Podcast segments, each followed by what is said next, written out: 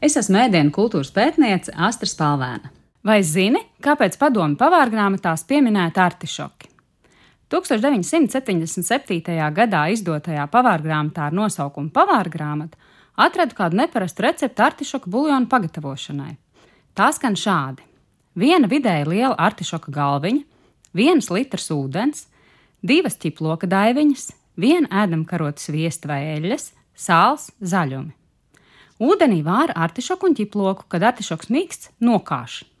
Buļļonam pievieno sviestu sāli zaļumus, pasniedz tasītēs. Buļļonā var likt dažādas piedevas.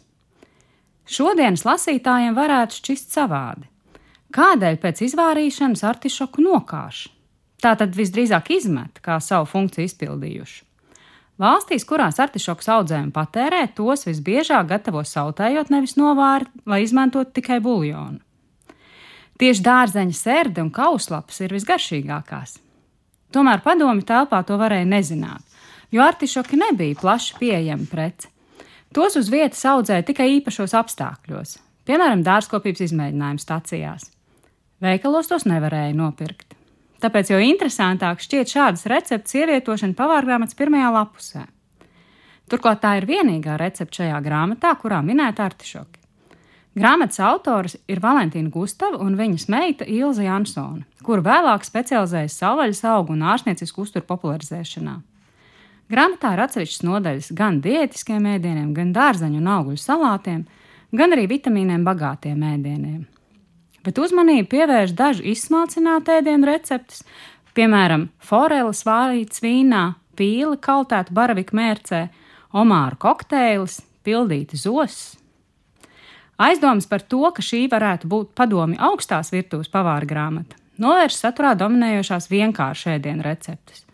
Pat no produktiem, kas reti tiek lietot uzturā, piemēram, āpšu cepetes, cukurbietes pie maizes, tesmeņa un plaušu sacepums, arī viltotie vēžu salāti, kas pagatavot no karpas, viltotās sardīnas no zandarta, viltotie zosu tauki no cūku taukiem. Vienkāršo ēdienu pārsvars pārliecina, ka smalki ēdieni šeit ir tikai izņēmums. Nodaļā par kaimiņu tautu virtuvi minēta ungāru, ukrāņu, rumāņu un gruzīnu ēdieni, bet to noslēdz salāti franču gaumē, kuros tomāti, gurķi, olas un siļķi tiek sajaukti ar eļas un etiķu mērci. Tas demonstrē visai lokālu priekšstatu par franču virtuvi. Turklāt, apskatot citas receptes, kurās minētas eksotiskas sastāvdaļas, rodas iespējas, ka tās ir tīri teorētiskas.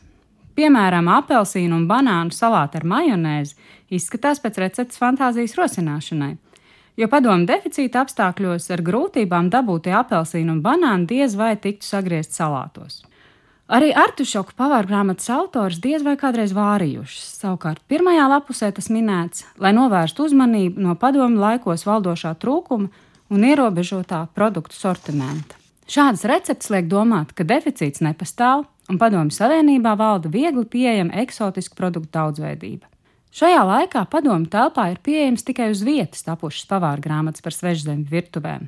Franču, itāļu, ķīniešu, indiešu un citas eksotiskas kulinārās tradīcijas apraksta PSRS vai sociālismu valstu autori, bieži izvēloties brīvu interpretāciju. Latvijas sarakstītajās pavārgrāmatās ārzemju receptes attēlotas tā, kā tās atbilst vietējo autoru priekšstatam par ārzemju kulināriju. Turklāt informācija par dzīvi kapitālistiskajā pasaulē bija stipri ierobežota, tāpēc faktiski nebija iespējams, ka šīs teorētiskās ārzemju virtuves lasītājs varētu atmaskot. Padomju cilvēki, dzīvojot aiz dzelzceļa priekškara, apceļoja pasauli ar recepšu starpniecību. Tā kā iespēja izbraukt ārpus PSRS, īpaši tālāk par tuvīnajām sociālismu valstīm, tika dot vien retajam, Svežzemnieciski skanošie nosaukumi un neparastās produktu kombinācijas ļāva ceļot, pat neplānojot pagatavot aprakstītos ēdienus. Ja ne autoram, ne lasītājiem nebija pārliecinoša pieredzē balstīta priekšstata par ārzemju virtuvi, var pieņemt, ka receptes pavārgrāmatās tika ievietotas arī bez praktiska nolūka. Tās ieved fantāzijas pasaulē. Ārzemju virtuves tika radītas tepat uz vietas, salīmējot no fragmentāriem priekšstatiem, eksotiski skanošiem vārdiem, un pieejamajiem produktiem pašiem savu itāļu, franču vai ķīniešu virtuvi. Padomju pavārgrāmatas ir valsts ideoloģijas produkts. Jāņem vērā, ka tās izdod valsts izdevniecība un uz tām attiecas tādi paši kontrolas un ierobežošanas mehānismi, kā uz jebkuru citu iespiestu grāmatu. Tāpēc arī to saturs attēlo nevis padomju sadzīvi, bet gan tādu priekšstatu par padomju sadzīvi, kas iekļaujas ideoloģiskajos rāmjos. Pavāra grāmatu gadījumā viens no šādiem uzstādījumiem ir parādīt dzīvi labāku nekā tā ir, un labāku nekā tā ir ārpus padomju savienības.